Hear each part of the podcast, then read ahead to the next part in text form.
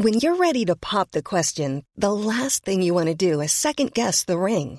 At Bluenile.com, you can design a one of a kind ring with the ease and convenience of shopping online. Choose your diamond and setting. When you find the one, you'll get it delivered right to your door. Go to Bluenile.com and use promo code LISTEN to get $50 off your purchase of $500 or more. That's code LISTEN at Bluenile.com for $50 off your purchase. Bluenile.com code LISTEN. Even when we're on a budget, we still deserve nice things. Quince is a place to scoop up stunning high end goods for 50 to 80% less than similar brands. They have buttery soft cashmere sweaters starting at $50, luxurious Italian leather bags, and so much more. Plus, Quince only works with factories that use safe, ethical, and responsible manufacturing. Get the high-end goods you'll love without the high price tag with Quince. Go to quince.com slash style for free shipping and 365-day returns. Den danske fotballspilleren Christian Eriksen falt om på banen i EM-kampen mot Finland. Hele verden fulgte skrekkslagne med direkte. Lever han? Er han død? Hva skjer? Og hvorfor ruller bildene fortsatt over skjermen? Millioner av TV-seere blir vitne til en fortvilet kone på sidelinja som ikke visste om mannen hennes overlevde. Og et helt fotballag slo bokstavelig talt ring om Eriksen i et forsøk på å beskytte hans dødskamp mot linsene.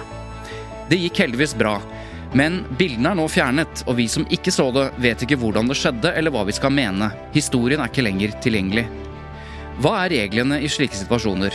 Er det forskjell på å vise bilder i ettertid når det faktisk har gått bra? Og hva sier presseetikken om direktesendt sport når det går fra glede og lidenskap til et direktesendt drama på liv og død?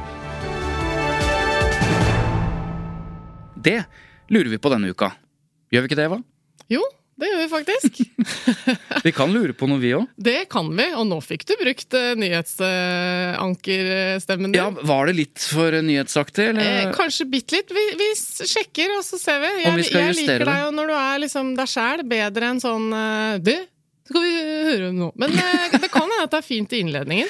Det kan hende. Og, og du liker meg også når jeg ikke går i dress. Nå går jeg i T-skjorte og shorts. Jeg er Solbrillene superglad. henger ut, og tattisene henger ut. Og Ja. det er, nå er det Ser ikke ut som en konsulent. Joggesko og tennissokker og du verden. Men du, jeg Dette skal kalles, jo si dette kalles radiobilder, ja, som Christian har lært oss. Ja, ja, ja, Mm. ja, ja. For jeg skal jo si velkommen til Tut og Mediekjør, mediepodkasten for deg som vil ha mer debatt om hva mediene holder på med. Og denne uka har vi fått mange henvendelser, Svein Tore, eh, fra folk som spør hva fader er det som skjer i mediene? Eier det ikke skam? Ja, det har vært eh, mye styr rundt eh, denne EM-kampen. og jeg skal forskuttere noe av det jeg mener, og si at vi som ikke så kampen, ble litt sånn Hva er det? Dette, altså, jeg skjønner at det er en mann som er i livsfare. Jeg skjønner at det skjer noe på banen, men vanvittig til reaksjoner. Mens jeg eh, havnet mer Jeg så den heller ikke live. Jeg havnet mer på liksom, de berørtes side, de pårørende, og hvordan føltes det der og da at alle kameraene holdt på. Ja, Mm. ok. Men vi må ha vår vante runde rundt eh, bordet. Eller skal vi si runde over bordet, nå Ja, som vi bare er to? Runde over bordet. Det er greit. Jeg eh, sitter på den ene siden og har lagt merke til ehm, denne sexguiden til NRK. Ja. For der har det blitt eh, selvfølgelig forutsigbart, eh, for så vidt, bråk. For de har jo da en, laget en såkalt, såkalt sexguide. Og i løpet av de fem første dagene etter at guiden ble, ble publisert på nrk.no, så har de mottatt eh, nesten 100 klager eh, på både guiden og journalistikken. Eh, det sier altså redaksjonssjef for dokumentar og Samfunnet i NRK, Reidar Christoffersen til VG. Og dette er jo altså Det er jo ikke så rart at deler av befolkningen reagerer, for det er jo nakne mennesker som viser sexstillinger. Og ja, de, la meg få lese. Ja. Hundestillingen, labbetuss, rumpekos, frosken og trillebår. Det er noen av de navnene på sexstillinger som NRK da presenterer i sin nylanserte sexguide. altså Av hundestilling, labbetuss, rumpekos, froskene og trillebår tror jeg bare jeg vet hva trillebår er. Eller jeg kan, jeg kan ane hva Altså, det er, da. for å si det sånn, jeg trengte ikke denne artikkelen for å kjenne til alle. Nei da. Nei, men det er jo et eller annet eh, på en måte sympatisk ved at de forsøker å eh, drive eh, sexundervisning anno 2021. Ja, hva syns du? Jeg syns jo det er prisverdig eh, initiativ. Ja, eh, og de har lagt bildene i svart-hvitt. Det er vanlige par. Altså Det er ektepar, kjærestepar, som stiller opp for NRK. eh, og det er ingen kjønnsorganer du ser. Du ser bare sånn på avstand. Men folk reagerer. Men altså, nå er du veldig sånn øh, Nå har du gode argumenter og har tenkt deg litt om, føler jeg. For at her om dagen så kom du inn på kontoret og, og var litt mer sånn Nei, men altså. Jo, men det var en annen grunn, og det har jeg fått tenkt litt på. Da jeg så dette første gangen, Ja. så tenkte jeg når man først skal gjøre dette, da gjør man det antageligvis veldig politisk korrekt. Og det hadde jeg helt rett i. Ja. Og med det mener jeg at eh, det var veldig mange homofile eh, par, ja, både lesbiske og homofile. Og en del av de stillingene, for meg, sexstillingene, ga ikke helt mening. Når det var to det var damer, av for eksempel. Ja. Ja. Så her tenkte jeg, eh, og så begynte jeg å telle. Det er jo Og så var det ikke noe dildoer involvert, så du reagerte liksom på hvor kommer, noe... hvor kommer kjønnsorganet inn Nei, her, hvis det er to Men poenget er, ikke sant eh, Hvor mange homofile lesbiske er det i samfunnet? Ja. Jeg tror tallet er sånn ca. 10 Det Ja, høyeste antallet. ja. I denne sexguiden så det ut som om det var flere homofile lesbiske enn eh, det var heterofile. Ja, okay, og da var det en slags følte... sånn overkompensasjon. Mm. Altså Du kjenner jo meg, jeg elsker jo mangfold. Jeg, jeg er det mest liberale du kjenner, antageligvis. Hva? Ja Det vil jeg ikke si. La meg komme til poenget!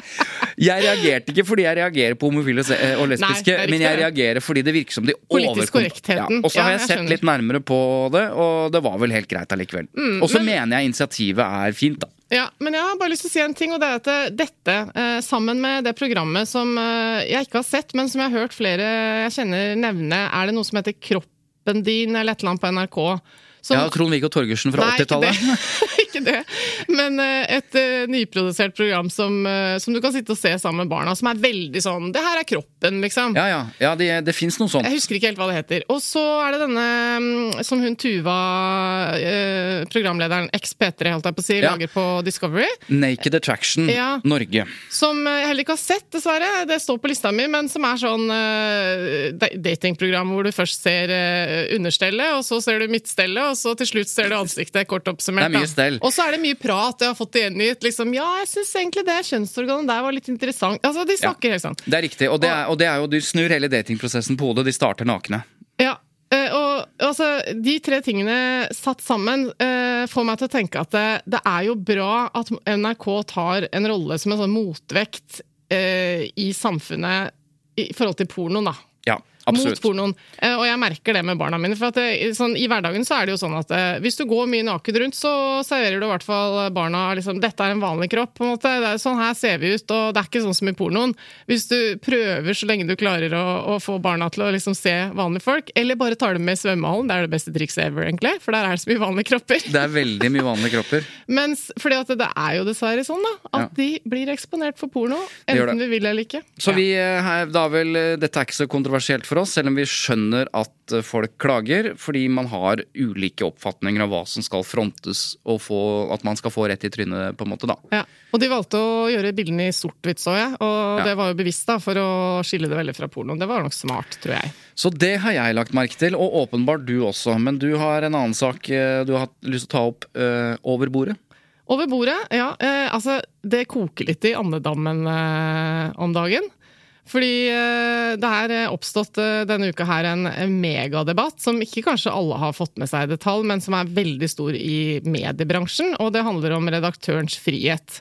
Ja. Og dette er jo noe som vi har snakket om veldig mye opp igjennom episodene våre, egentlig. Dette skillet mellom eh, en eier, en redaktør, en styreleder osv. Egentlig akkurat sånn som det er i næringslivet. Ja. At det er ulike roller i en ledelse av en virksomhet. Men i pressen så er disse grensene mer skal vi si, prinsipielle og høytidelige. Altså, øh, bare for å ta med lytterne på det.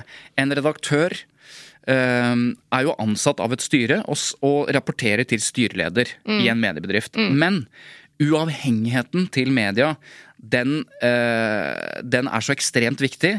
Uh, og Det betyr også at redaktørens uavhengighet fra styret også er ekstremt viktig. Altså uavhengighet når det gjelder de redaksjonelle sakene. Ja. Det Hva skal vi skrive om, hvordan skal vi gjøre det, riktig. osv. Det betyr at en styreleder eller en eier aldri skal legge seg opp i enkeltsaker, eller hvordan de, om de velger å ta den saken, ikke ta den saken, skrive om den, hvordan de skriver osv. Ja.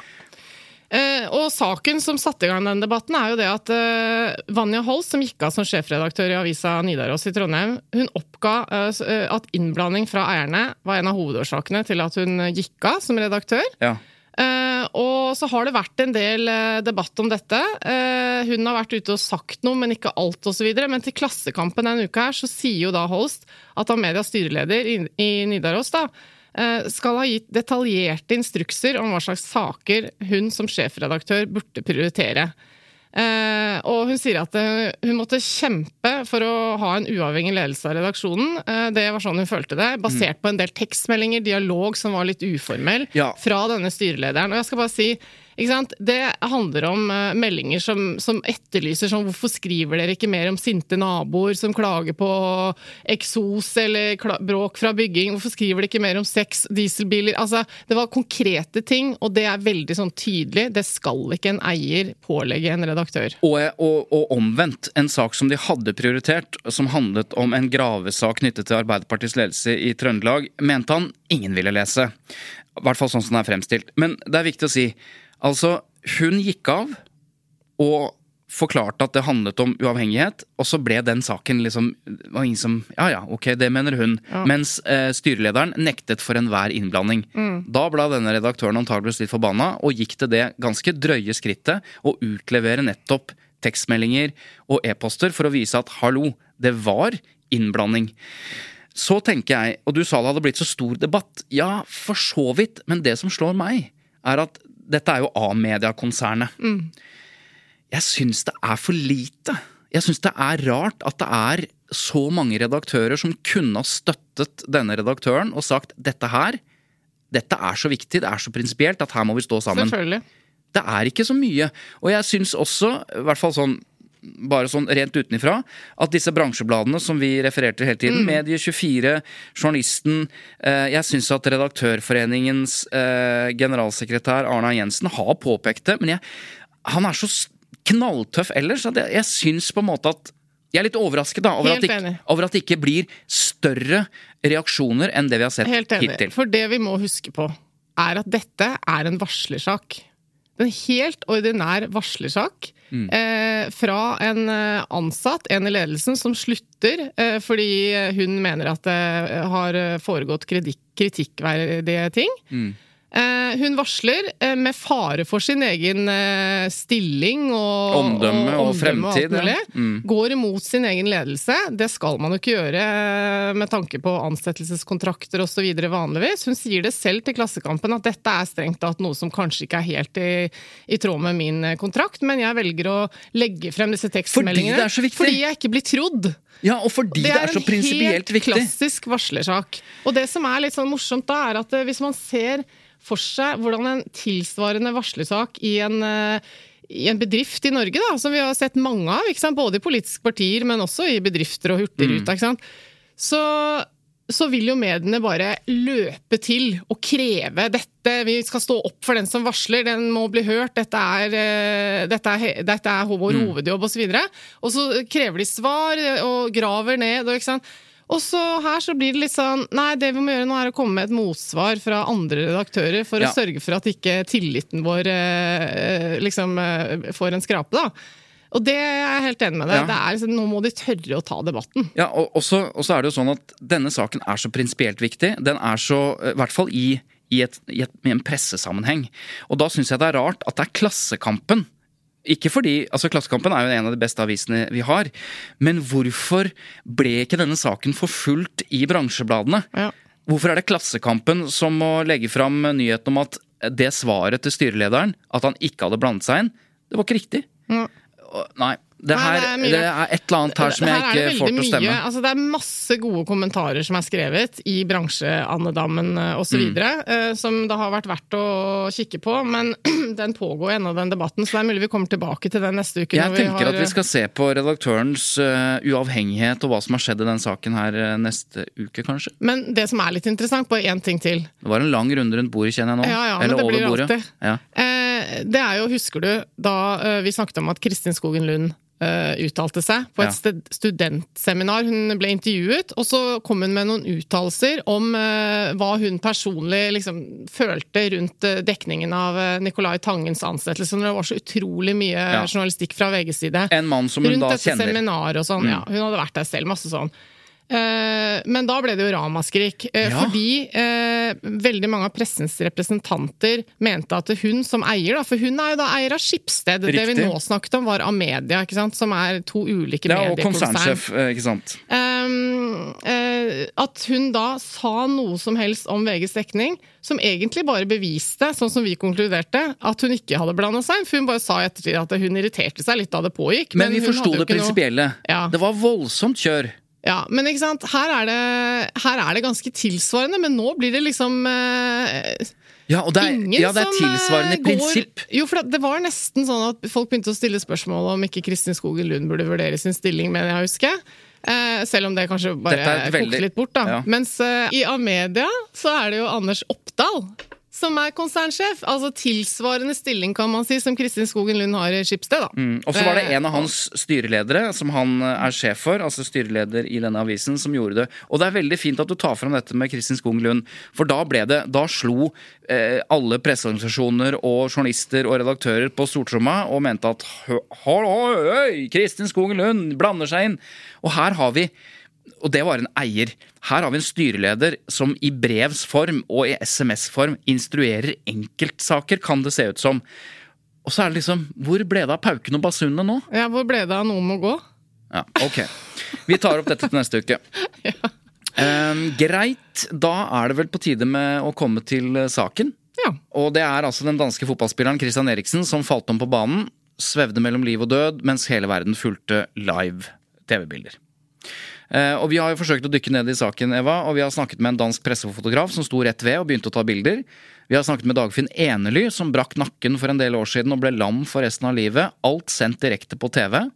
Vi har snakket med Tom Nordli, som både er fotballtrener og TV-ekspert, og hørt hva han mener man skal gjøre i sånne situasjoner.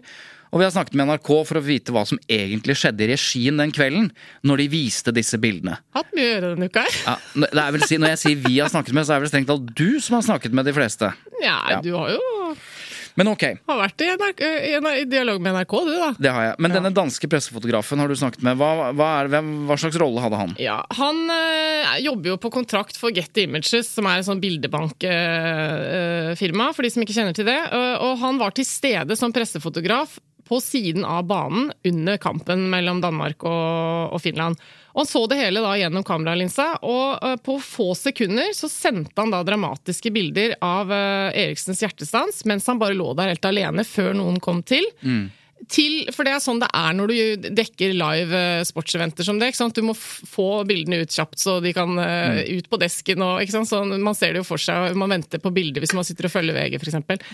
Men eh, det som skjedde, og det skal vi høre han fortelle litt om, det var at han, eh, han sendte bildet. Og så oppdaget han etter et par minutter at shit, det her er jo superalvorlig. Og så angret han seg egentlig på at han hadde sendt det bildet som han følte at var litt etisk problematisk når han innså alvoret i situasjonen. Men så oppdaga han at det hadde skjedd en nettverksfeil som gjorde at bildet ikke var sendt. Og så var det huh. Så ble han glad. Ja, fordi at han har jo en holdning som er ekstremt kritisk, egentlig, eh, til det som har skjedd okay. Med, med hvilke bilder som har vært vist osv. Kan jeg, legge Men inn la oss- en, ja. kan jeg legge inn en liten kuriosa ja. her, før vi hører han? For du sier han tar bilder og sender bilder. For sånn er det i 2021. At Ja. disse kameraene de bruker, er jo pålogget. Det betyr at det, i det sekundet du har knipset bildet, så kan bildet sendes til en desk eller Ja, men til det går, en det går ikke by default. Han Nei, nei, nei, aktivt sender skjønner, det, men, han gjør det fra men det skjer fra kamera. Ja. Eh, For 20 år siden, når man tok bilder eh, med vanlig film, så måtte eh, bildene fremkalles. Det var en lang prosess. Og så måtte bildene sendes over med masse apparaturhus via telefonlinjer, og det tok timevis. Ja. Altså, det er helt vilt. Nå er det by Ja. instant. Det er sant. La oss høre pressefotograf Lars Røbøk, som jeg snakket med fra EM, der hvor han er på jobb nå. Jeg sad øh, 15 meter fra, fra stedet, hvor Christian Eriksen faller om. Og i selve situationen, der øh, har jeg mit kamera rettet mod en af hans holdkammerater, der har bolden. Og så ser jeg ude i siden af, af billedet, at øh, Christian Eriksen falder om. Og det tager jeg nogle hurtige billeder af, også øh, i de sekunder, hvor han ligger på, på græsset helt alene. I'm Sandra, and I'm just the professional your small business was looking for. But you didn't hire me because you didn't use LinkedIn jobs. LinkedIn has professionals you can't find anywhere else, including those who aren't actively looking for a new job but might be open to the perfect role, like me. In a given month, over 70% of LinkedIn users don't visit other leading job sites. So if you're not looking on LinkedIn, you'll miss out on great candidates like Sandra. Start hiring professionals like a professional. Post your free job on linkedin.com/people today. Since 2013, Bombas has donated over 100 million socks, underwear, and t-shirts to those facing homelessness. If we counted those on air, this ad would last over 1,157 days. But if we counted the time it takes to make a donation possible, it would take just a few clicks. Because every time you make a purchase, Bombas donates an item to someone who needs it. Go to bombas.com slash ACAST and use code ACAST for 20% off your first purchase. That's bombas.com slash ACAST, code ACAST. Og, øh, og hurtigt så øh, begynder der at komme øh, spillere hen til ham for at hjælpe ham. Og jeg er jo ikke klar over i det øjeblik, hvad, hvad, der er sket, og er lige så forvirret som mange andre mennesker er. Og vores, den måde, vi arbejder på, det er, at øh, vi fotograferer, og så transmitterer vi billederne fra kameraet, øh, nogle, nogle enkelte billeder. Det, det øh, når jeg også å gjøre innen det går opp for meg at det her det er, det er rett alvorlig og har ikke noe med, med fodbold lige pludselig å gjøre, men er, er et spørsmål om, om liv og død. Og der, der hender, hender, jo så det, det lykkelige for, for meg at, at billedet øh, ikke går igjennom af en øh, teknisk fejl med, med forbindelsen, eller med, med, med kablet, eller med serveren. Så, så det billede, jeg sender, er et, hvor han, hvor han ligger på græsset, og en, og en holdkammerat øh, er på vej hen til ham. Så, så det, det billede kommer ikke igennem, og, og, jeg fotograferer videre, hvad der sker. Men de første, de første minutter undlader jeg at, at sende nogle billeder, fordi da det begynder at gå op for mig, at det her, det er, det, det, det er meget alvorligt. Så, så øh, der, der vil jeg så ikke have, have billeder ud af, hvor man kan se, der, der måske ligger en død mand på banen, fordi det, det er jo det, som vi øh, kan frygte øh, sker i de minutter, at, at øh, det, det er en død mand, der ligger på banen. Jeg stilte han også spørsmålet om han tenker at det endrer seg, eh, det han reflekterer rundt, når han vet at eh, Eriksen, at det har gått bra med Eriksen. Mm. Du kan høre hva han sa til det. Man kan si på, på noen områder endrer det seg at, at uh, han, han, uh, han, er i live. At øh, så er der noen bilder man godt kan vise, spesielt av hans, uh, hans holdkammerater. Øh, men altså bilder hvor man kan se hans ansikt, det, det synes jeg ikke man kan vise, fordi det, det, det er meget dramatisk. Jeg spurte han også hva han føler eh, når han forstår at det, det, laget som samler seg rundt Christian Eriksen som ligger på bakken, de gjør jo det for å skjerme mm. eh, han som ligger der. For offentligheten og kameralinsene, og mm. det er jo han. Ja, som, som fortsetter å ta bilder, ja. ja. Så jeg spør han om det òg, for det, det, er jo, det er jo også et poeng, ikke sant? Mm. At eh, det, det, er det som er en belastning der og da. Mm. Jamen, altså, i, i selve situasjonen, der, der fortsetter jeg med å fotografere og det, og det, det gør jeg jo, fordi det, det er min, min pligt at dokumentere, hvad der sker. Jeg, jeg, kan, jeg kan jo så beslutte bagefter, hvilke billeder jeg synes, der, der, der er okay at sende ud. Øh, og jeg, jeg, jeg, ikke, jeg synes ikke, det, det er specielt behageligt at, at fotografere det, men det er jo min pligt at blive ved med at fotografere. Og jeg vil sige, øh, også billederne af hans kæreste, der står nede på, ved midterlinjen er, er fuldstændig frygtelige at fotografere, og der, der er rigtig, rigtig mange af dem, som, som jeg ikke øh, kan, kan sende ud, fordi det, det kan man ikke det kan man ikke være bekendt, det kan man ikke byde hende og, og sende øh, øh, som, som hun står der og er fuldstændig oppløst af, af forfattelse. Efter at jeg selv har fået øh, den forskrækkelse, at jeg tror, jeg har sendt et for hurtigt billede, men det er jo så ikke kommet ud, der, der gør jeg så selv den vurdering øh, ret hurtigt, at, at da de begynder at sende øh, opp, op, så vurderer jeg, at så godt sende et billede ud, hvor man kan se spillerne afskærmning, og vi kan se, at vi er inde i, i parken i, i København.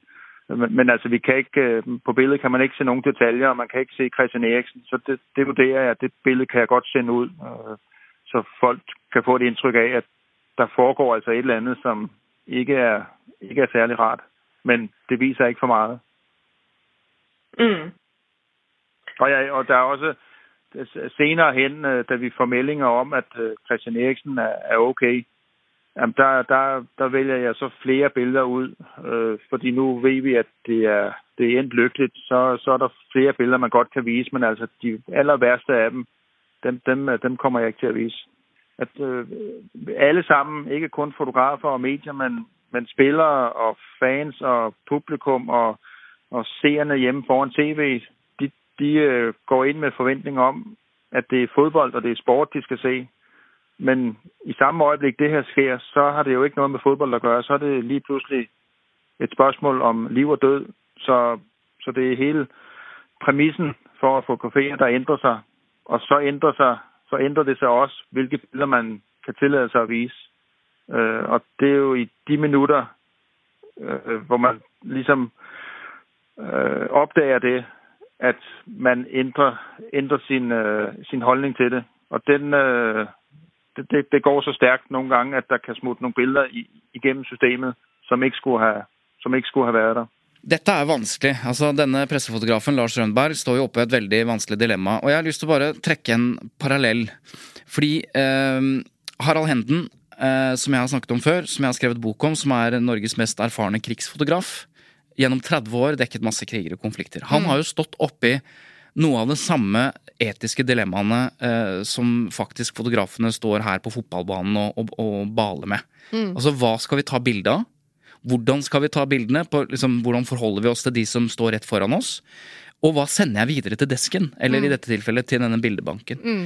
Og, og jeg husker Harald fortalte om en historie da han, da han var ganske fersk uh, og skulle dekke krigen i Bosnia. Eh, Og han og, og kollega Stein Kåre Kristiansen som jobbet i VG, kom til eh, et krigsområde. Det var en, eh, nettopp en tank, eller en bil som hadde blitt bomba. Og så nærmet de seg den bilen. Eh, Harald gikk opp på bilen, tok opp takluka for å se hva som var nedi. Og der satt det altså et menneske som var ødelagt. Fullstendig maltraktert. Mm. Men ikke død? Jo, og død. Og død. Eh, Men det, var så, det, var, altså, det er et menneske som sant, er delt i to. Det er, Ja. det er det mest groteske du kan tenke deg. Harald tar bilder ovenifra, på autopilot nærmest, ned i den for å ta bilde av dette her. Og sender det eh, hjem på et eller annet tidspunkt. Og får grisekjeft av fotosjefen i VG. Og lurer på hva, hva er det han holder på med? For disse bildene eh, kan han jo ikke bruke til noen ting. Ikke, for, ikke bare fordi det var groteske, men fordi det var bare bilder av noe grotesk. Det var ikke noe satt i sammenheng, det var ikke en ramme, det var ikke en fotografisk ramme. Nei. Så det er det ene. altså Det å ta bilder, nærbilder av noe som du øh, nærmest bør kunne tenke at aldri eh, kommer til å komme på trykk, det er det ene. Og det andre er rett og slett, det er mer prinsipielt viktig, skal det tas bilder uansett når du er på jobb, og la desken, redaktørene, avgjøre hvilke bilder som skal komme på trykk. Nettopp. Og det er jo poenget. Ja. Og jeg mener at en fotograf bør kunne ta absolutt alle mulige bilder hvis han i situasjonen han tar bildene, hensyntar Det er nettopp det, Ja, da. For det, det, er som der, er de som er der. det er der at eh, jeg kanskje vekter det siste poenget ditt eh, litt mer enn eh, ganske mange jeg har snakket med gjør, inkludert den danske pressefotografen, som jo sier at hans jobb er å dokumentere. Det er derfor han er der. Og da knipser han i vei, og så må han ta vurderingen etterpå. Og det er veldig forståelig. Eller Eh, redaktøren må ta, Nei, ta ja, men det er akkurat det. For at, eh, han forteller jo at han gjør et valg. Han angret jo på at han sen- Ja, sendte et det. bilde. Og det innebærer at han ikke helt har tillit til Det hva der skjønner jeg ikke. Nei, men altså, han har ikke helt tillit nødvendigvis til eh, hvilken vurdering de Ja. gjør. Akkurat som vi føler at NRK heller ikke rakk å gjøre en ordentlig vurdering, for bildene bare kom, ikke sant? Jo, jo, men la meg ja. Mm. få fullføre. Fordi eh, poenget er jo her at eh, mens han står og dokumenterer, så er det et helt fotballag som må skjerme. Hvis ikke dette hadde vært tilfellet, at pressefotografer har den holdningen Jeg kritiserer det ikke, jeg bare konstaterer det. eh, Så hadde ikke hovedjobben til de spillerne i det øyeblikket vært at de må slå ring rundt han og beskytte ham fra kameralinsene. Da hadde jo de bare kunnet gjøre det som de føler er riktig Jo, der. Da. Det er bare en eh, Ja, er Og så må jeg bare si en ting til. Og det er at eh, det eksempelet du hadde med Harald Henden eh, Det er jo samme greia med prinsesse Diana. Hun ble også fotografert i bilvraket eh, etter ulykken, da hun døde. Eh, og det har det vært snakket mye om, at de bildene finnes. Ble jo aldri publisert, selvfølgelig. Eh, men det er jo det samme. Liksom, det etiske i det øyeblikket hvor det oppstår en situasjon hvor prinsesse Diana har omkommet i en tunnel.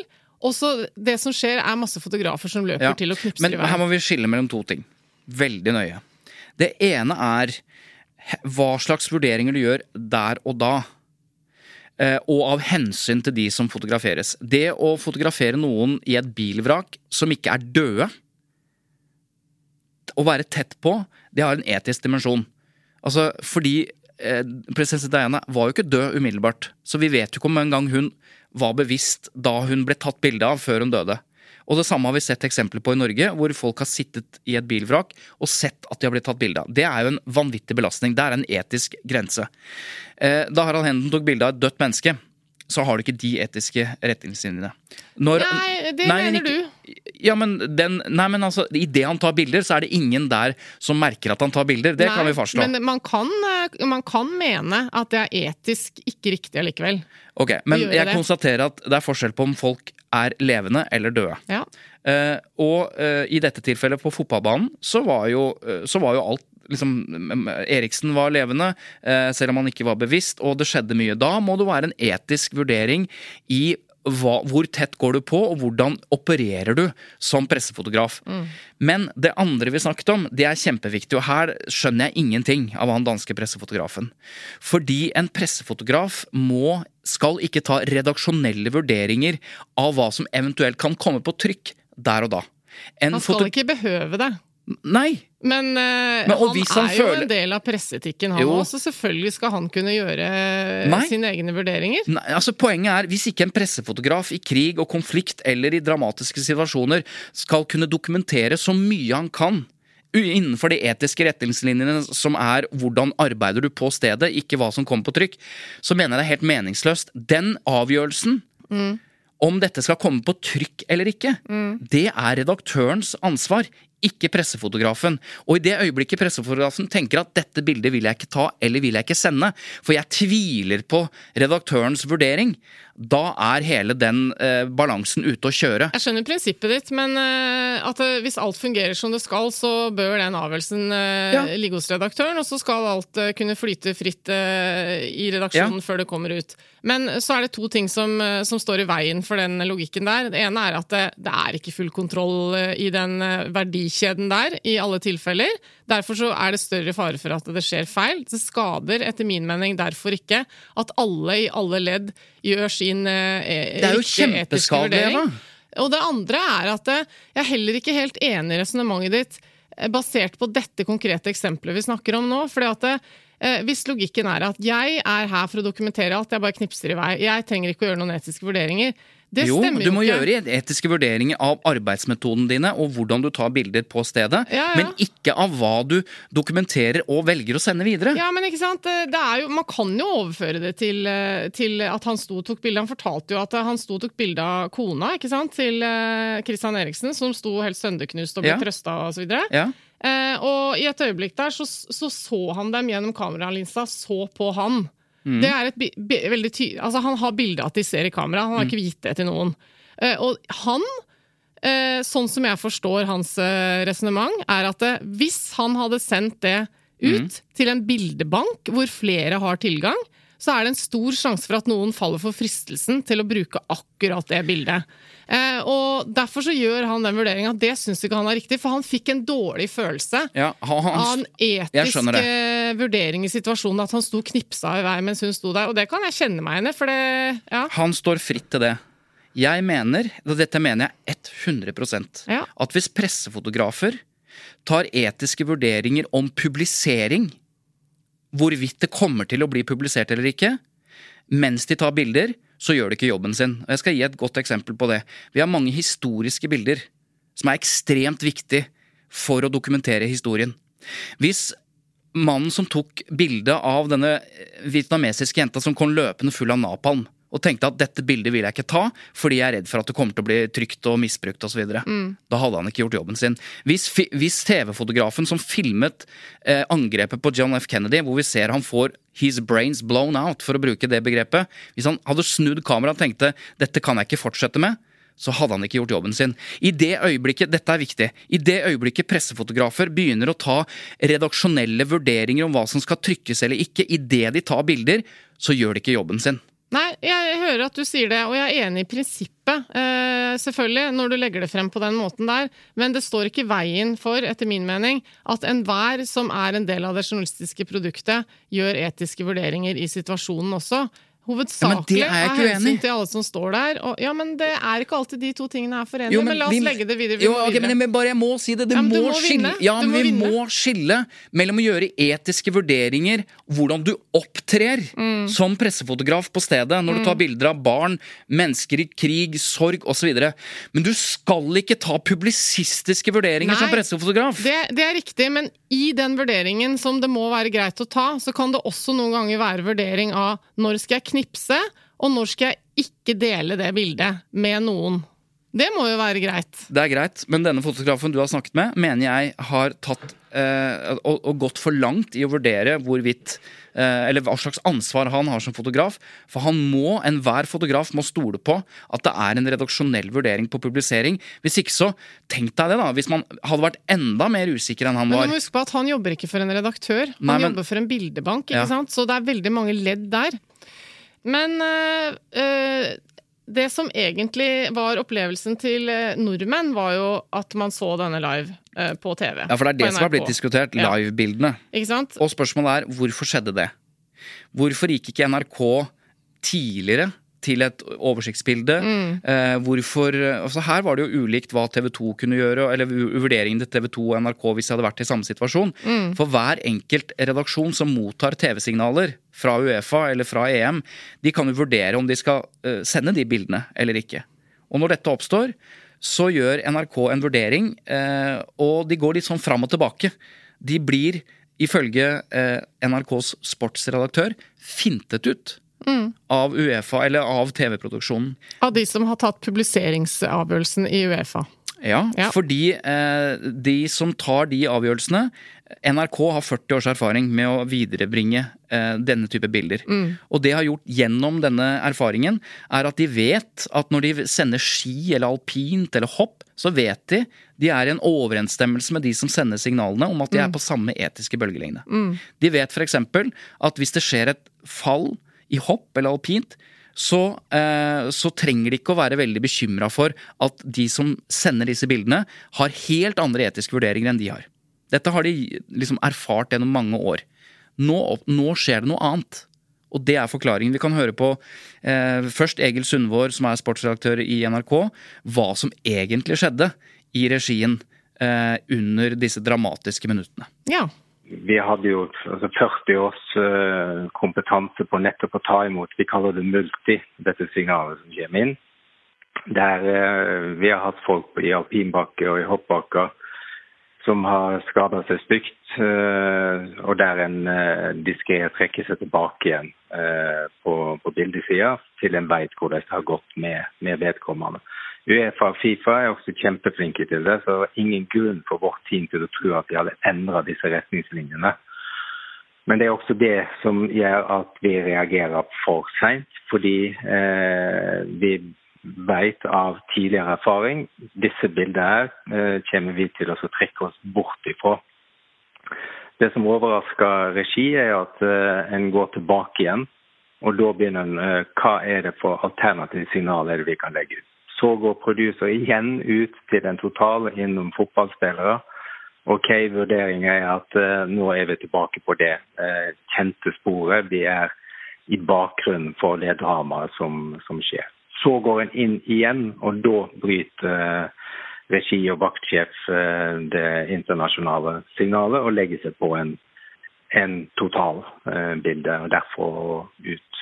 Ok, så For at jeg, jeg er litt forvirra, du må hjelpe meg å oppsummere dette. Eh, sånn som jeg har oppfatta det jeg har lest denne uka her, så tar på en måte ikke NRK kritikk for det som skjedde under livesendingen.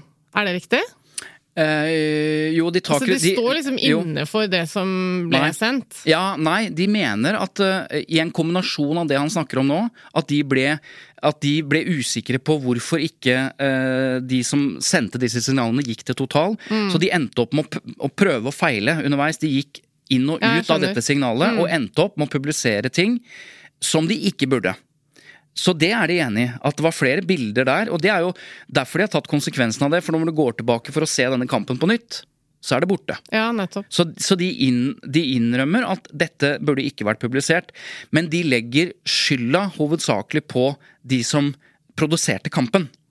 Uh, og så har de sagt at de ikke vil beklage eller si unnskyld overfor TV-seerne på det spørsmålet, for det handler jo om hvem som har ansvaret. Og så prøver Sundvår å forklare at dette var en uh, Vi kan høre mer på hvorfor han, uh, hvorfor han, mener dette her er problematisk, men, men, det er rett og slett det som er forklaringen. At de bommer fordi de blir finta ut av produksjonen som de trodde kunne stole på. Mm. hadde de tenkt sånn Vi har erfaring med at vi ikke kan stole på dette her, så da går vi bare ut i totalbildet. Da hadde de tatt den beslutningen. De, men det gjorde de ikke. De er enige i at det var for mye nærgående bilder, men de vil ikke ta selvkritikk eh, egentlig på det som skjedde under livesendingen, fordi det var noen andres skyld at de bildene ble gjort tilgjengelig på NRK. Ja, det kan du godt si. Ok, Så den endelige publiseringen Eh, den er jo påvirket av flere faktorer enn den beslutningen som tas der og da. Det er jo et eksempel på at liksom, når ting er live, så, så, er det veldig mange ting som veldig fort kan gå feil. Da. Dette har vi jo snakket om, sant, hvor vanskelig det må ha vært når folk sto uh, på, i vannkanten etter Utøya og sånn også. At det, det, er så utrolig mange vurderinger som må gjøres løpende i et ledd. Og så til slutt så er det selvfølgelig redaktøren, hvis han står der og er tilgjengelig akkurat der og da, mm. som skal bestemme ja eller nei dritfort. Men, eh, men, jeg tenker at eh, det er jo veldig ofte i sånne situasjoner veldig mange da, eh, som kan påvirke hva som ender opp med å, med å nå oss. Ja, og Oppsummert så sier NRK at de trodde de kunne stole på Uefas vurderinger. De oppfattet at det hadde vært på samme linje eh, på, det, på disse type tingene gjennom mange mange år. Eh, men så valgte de også en, eh, altså Uefa valgte et annet nivå enn det NRK er vant til. og dette er jo forklaringen for EMs direktør for TV-produksjon var jo ute i ettertid og forklarte at det var riktig. Det er forskjellen på NRK og, og, og, Uefa her. For NRK mener at de ikke skulle sendt de bildene, selv om de endte opp med å sende de. Mens han sier sitat Vi visste tristheten og fortvilelsen blant spillerne, trenerne og publikum. Vi følte også på fellesskapet i et alvorlig øyeblikk. Det måtte vi formidle, sier Jean-Jacques Amzelem til den franske storavisen L'Equipe. Altså, mens NRK poengterer at de ikke kunne vite om han var død eller levende, og på det tidspunktet ville de gjort en annen vurdering.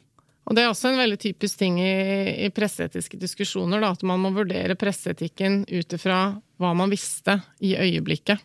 Nettopp. Og vi kan høre Egil Sundvor forklare. Et stykke på vei så kan en være enig i at det er jo et drama en ønsker å, å fange den historien.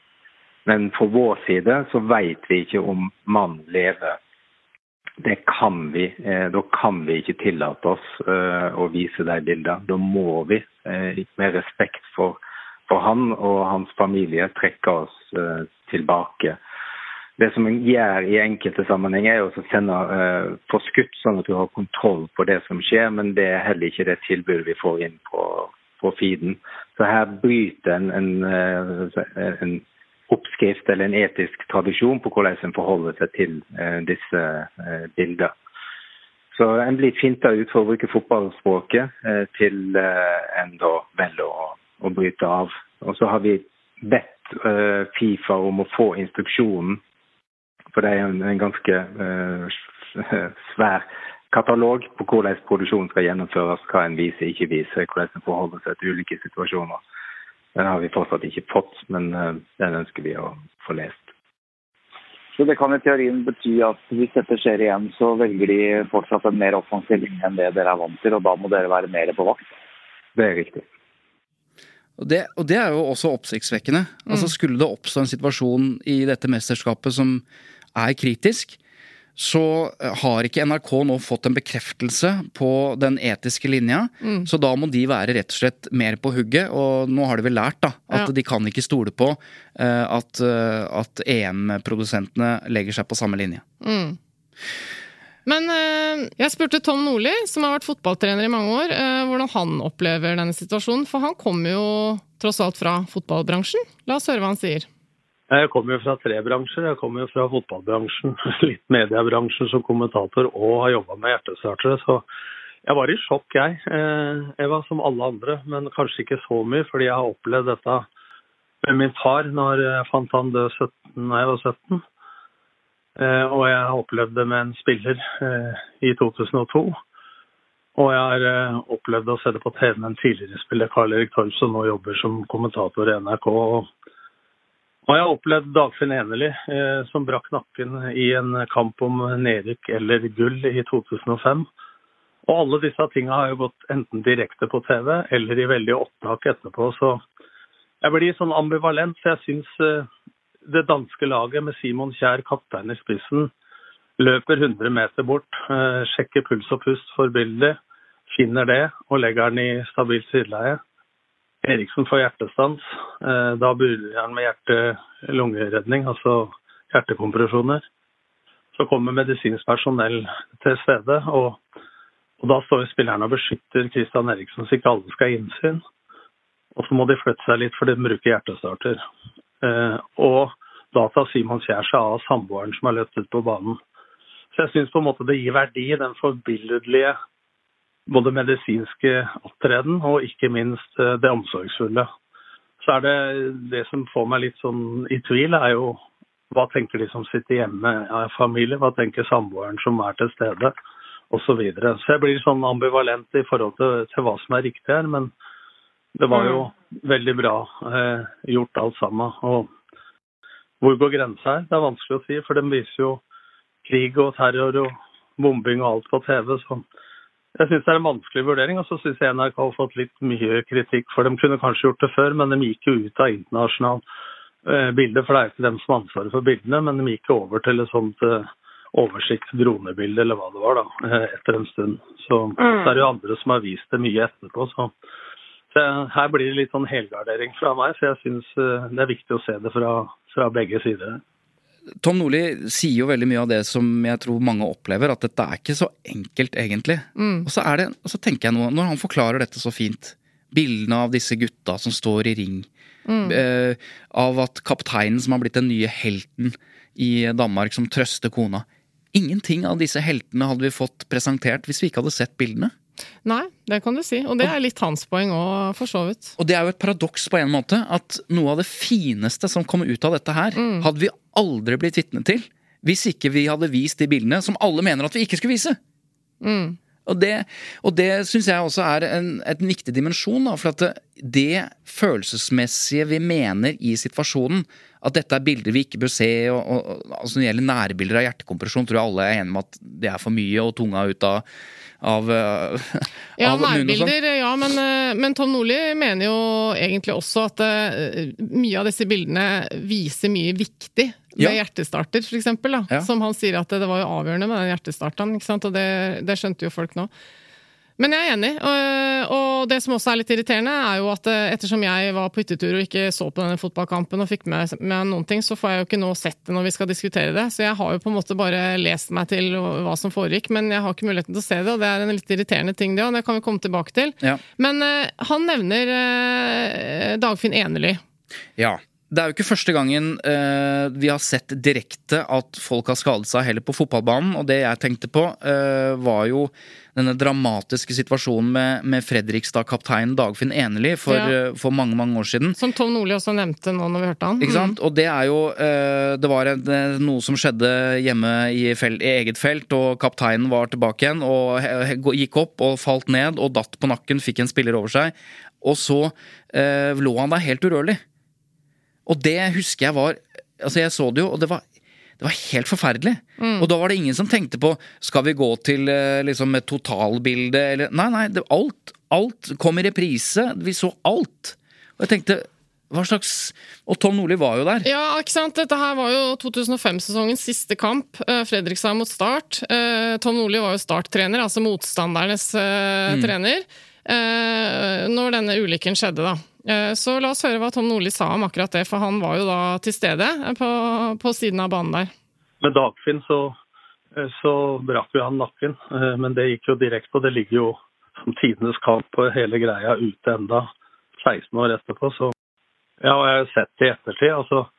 Og jeg har jo opplevd Det var jo så fokus den gangen på svelging av tunga sånn, jeg er usikker på om det går an. Men jeg sto og veiva arma til keeper eh, Steinar Sørli i Fredrikstad. Og Dagfinn lå jo da livløs inne i femmeteren, og spillet gikk jo videre. Så blir det blåst av, så sier spikeren at det går bra med Dagfinn. Men så kommer legen Alexander Notto Sandnes ut og sier dette ser ikke bra ut. Og så blei han frakta ambulanse helt til Oslo, for det var jo så tåkete at ikke eh, legehelikopteret kunne, kunne fly han. Så det var mye følelser. En kollega, kompis, eh, motstander, konkurrent. Som ikke skulle spilt kampen, for han hadde feber. Stilte opp som kaptein for å redde laget sitt og var hjemme på corner defensiv, som han vel har vært to ganger i hele sitt liv. Og for en lagkamerat oppå seg. Så vi tapte gull etter fire stolpeskudd og et annullert mål, men det blei lite vesentlig i den situasjonen hvor alle tenkte på Dagfinn. Så det setter jo idretten i et perspektiv, da. Dagfinn Enerly, ja. I 2005, og de bildene ligger jo fortsatt eh, ute. Jeg så det i går. Ja, Man finner det mange steder, eh, også i programmet Tidenes kamp, tror jeg, på TV 2. Ja, for dette kampen som eh, Tom Nordli snakker om å trene, var en sånn superviktig kamp. Ja, øh, og finale. Ja. Mm. Uh, og det er jo interessant, for her er det jo da et menneske som nå sitter i rullestol, har uh, riktignok uh, hva skal jeg si, blitt en rollemodell på mange måter i ettertid for hvordan han har taklet alt det som skjedde. Han ble jo lam eh, etter Mm. den ulykken.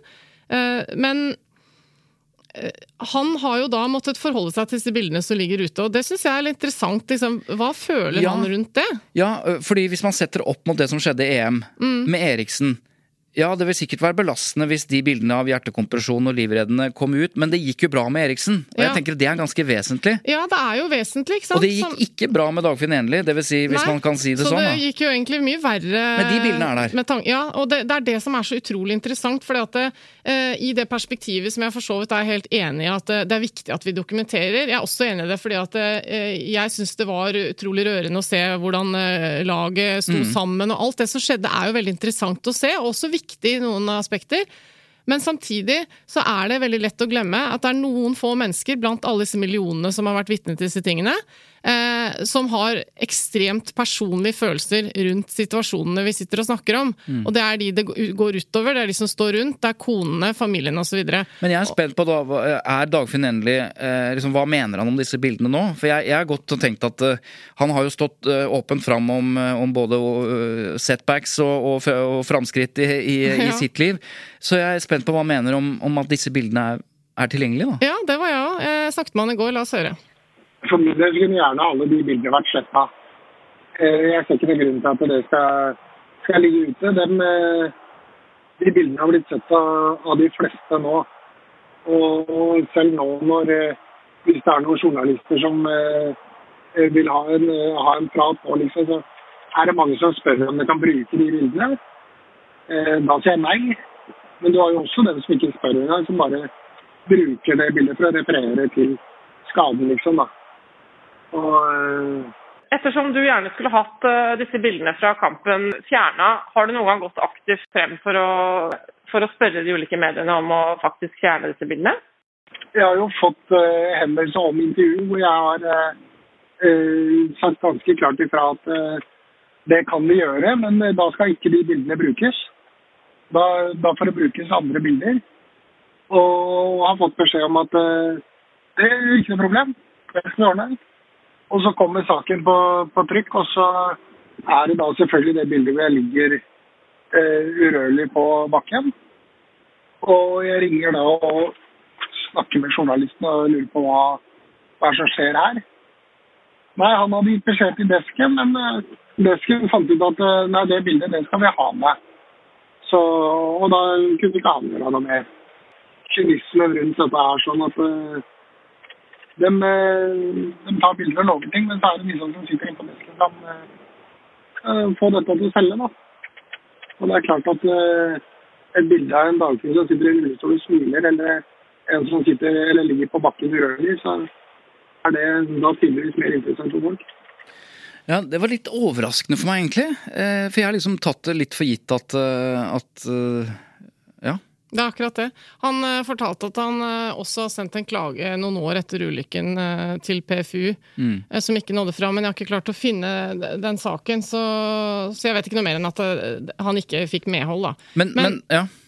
Men det er, eh, ja, eh, jeg er helt enig med deg. At eh, man ser han på God morgen Norge, man ser han i media, man ser han på arrangementer. Ikke sant? Han har blitt en representant for både det som har skjedd med han, og det at man kan ha et, altså, være aktiv i fotballbransjen Men så akkurat de bildene at han ligger urørlig, det, det, han liker ikke det. det. er han rett og slett drittlei av. Og da er spørsmålet er vi bedre på presseetiske vurderinger nå. Er det derfor disse bildene av Eriksen, som det gikk bra med, tross alt, ikke nå er å finne på noe Du finner ikke noe sted. Du og jeg, som var borte, så ikke dette, kan ikke se dette nå.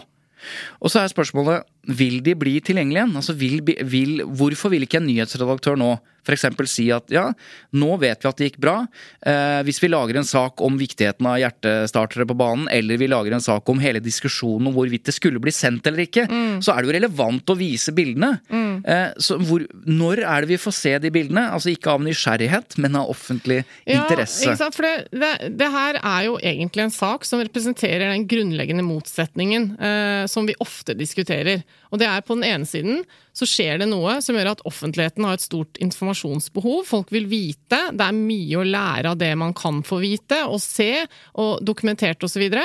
så det er pressens oppgave å hele tiden ha den innstillingen. Vi skal dokumentere, vi skal vise fram, vi skal rapportere det som skjer. Også på den andre siden så er det folk som blir berørt av omtalen, eh, og som man må ta hensyn til. Det er liksom den klassiske motsetningen, og den er jo til stede her også. Og jeg tenker at det, eh, det, som gjør det litt vanskelig, tror jeg, er når det skjer så utrolig store hendelser i en millionsport. Det er en bransje, ikke sant. Det er masse penger involvert, det er underholdning. Det er milliarder av kroner eh, som flyter rundt i dette systemet.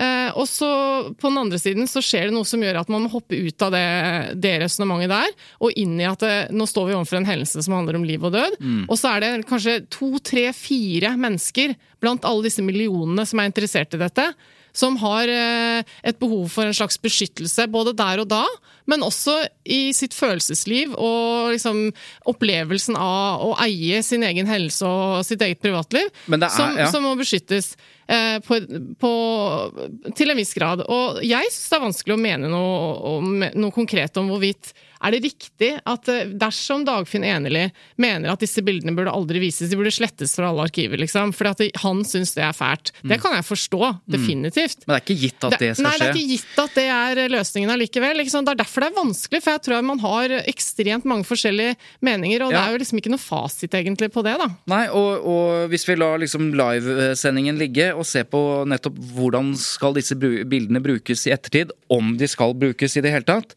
Eh, jeg snakket har snakket med flere redaktører i etterkant og hørt liksom deres vurderinger. F.eks. Eh, TV 2s nyhetsredaktør. Der har de tatt en beslutning om at de har vist nå bilder av liksom, at man står i ring, eh, og de har vist bilder av, av hun kona som blir trøsta, mm. med den begrunnelsen at det gikk bra. Mm. Men de har ikke vist selve det de kaller dødskampen. Altså bilder på avstand eller nært av eh, livreddende eh, førstehjelp.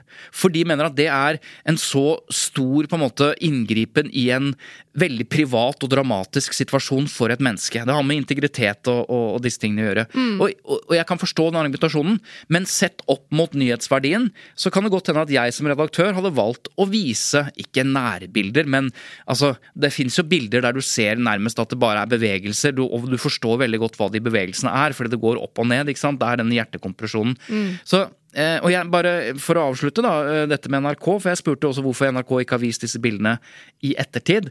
Eh, forklaringen på hvorfor de ikke ligger i spilleren, er jo nettopp det mm. at de ville tatt en annen vurdering på direkten enn det som ble resultatet, og da er det naturlig at de har tatt det vekk fra direktekampen.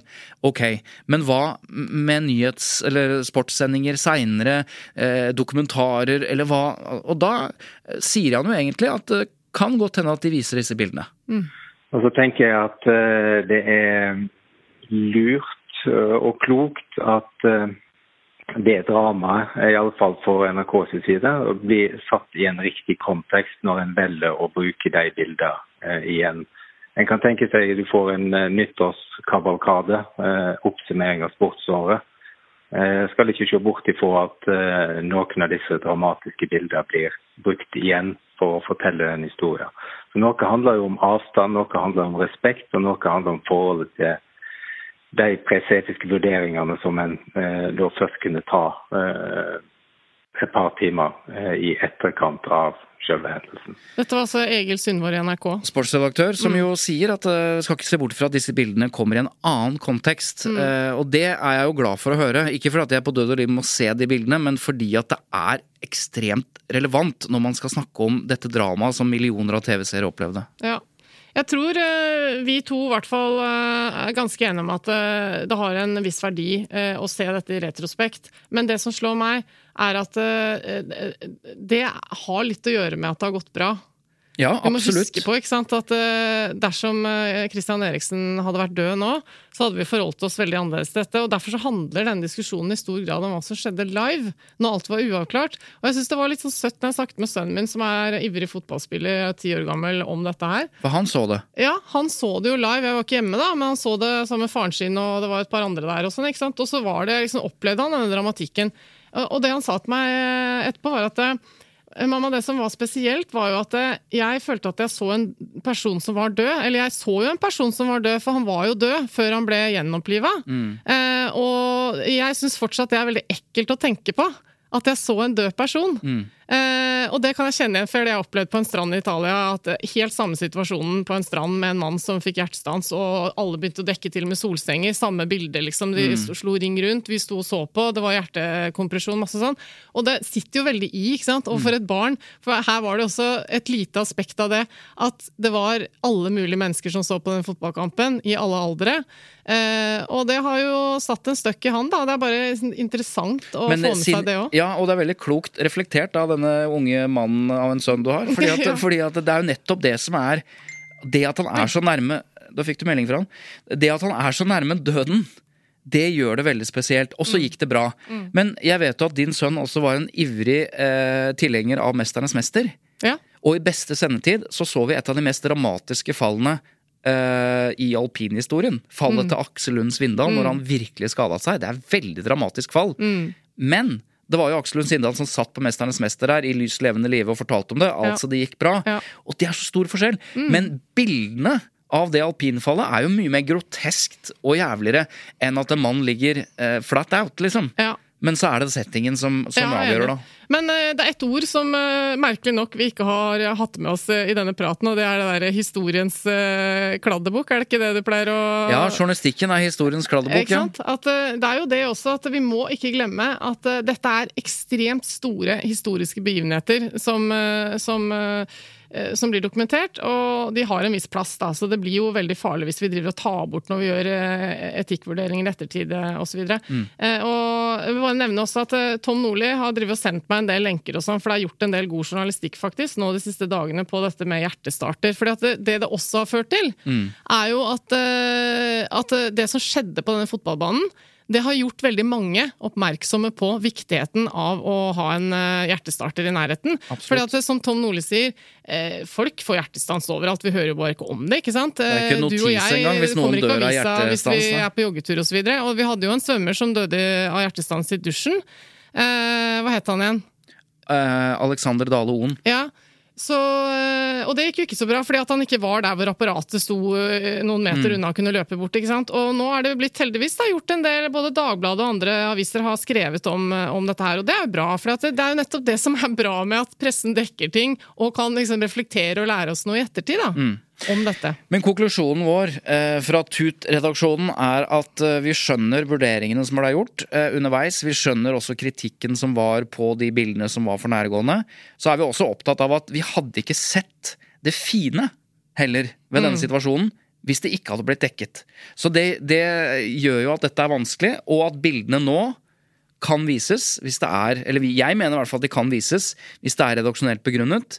Eh, fordi vi vet det gikk bra, og fordi det har oppstått en viss avstand. da. Og jeg mener at selv om jeg gjerne skulle sett bildene av dramatikken på scenen, eh, nei, på fotballbanen, eh, blant annet alt dette med flotte øyeblikket hvor han Kjær trøstet kona til mm. Eriksen osv., skulle gjerne ha sett det, mm. men jeg respekterer at hun ikke har lyst til at de bildene skal gå verden rundt i all evighet.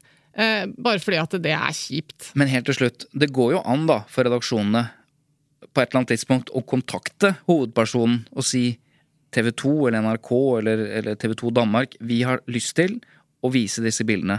Hva tenker du om det?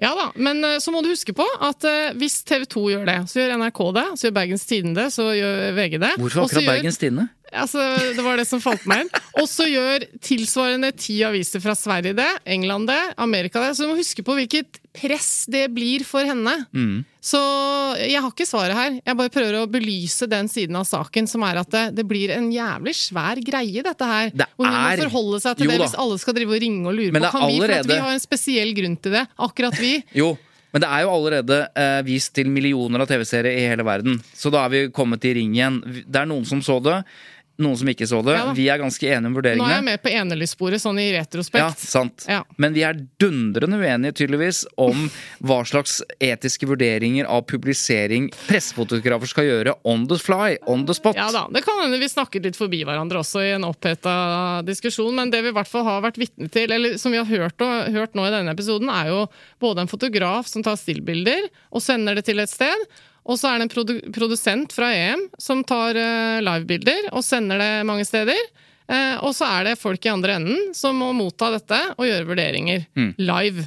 Under uh, utrolig dramatiske sekunder hvor det foregår mye, masse som må vurderes.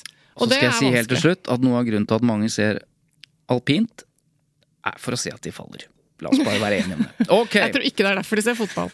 Nei, det er kanskje riktig. Nei. Dette var eh, en eh, første episoden eh, med bare oss to uten programleder. Den ble jo lang. Det kan hende det var noen som syntes det var litt ubehagelig at vi var så mye uenige, men sånn er nå livet, da. Det er jo Er ikke det det som er gøy? å Diskutere litt? Jo, jeg syns jo det. Jeg ser at du har grått mens vi satt på pause, men det er greit, det Det har jeg ikke. Dette er hersketeknikk fra Svein Tore.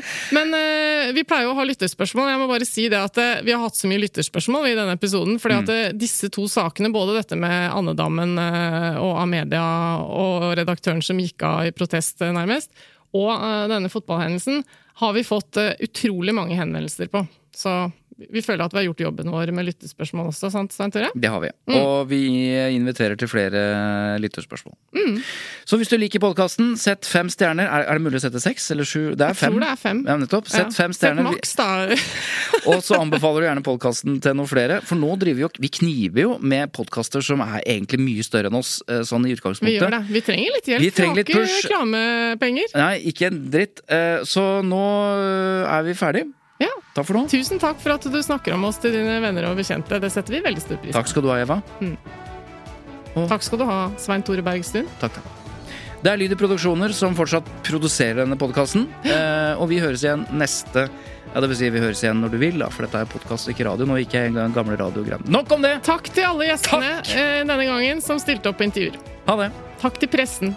Takk til pressen. Takk til redaktører, takk til journalister, takk til alle redigerere, analytikere, designere som er med å lage godt innhold i Takk norsk til alle fotballspillere som eh, Takk gjør så så godt de trenere. kan. Takk til mamma. Takk til livreddende hjerte, hjertekompresjon og hjertestartere. Det er det, vet du. Derfor vi trenger programledere, for å avslutte episoden.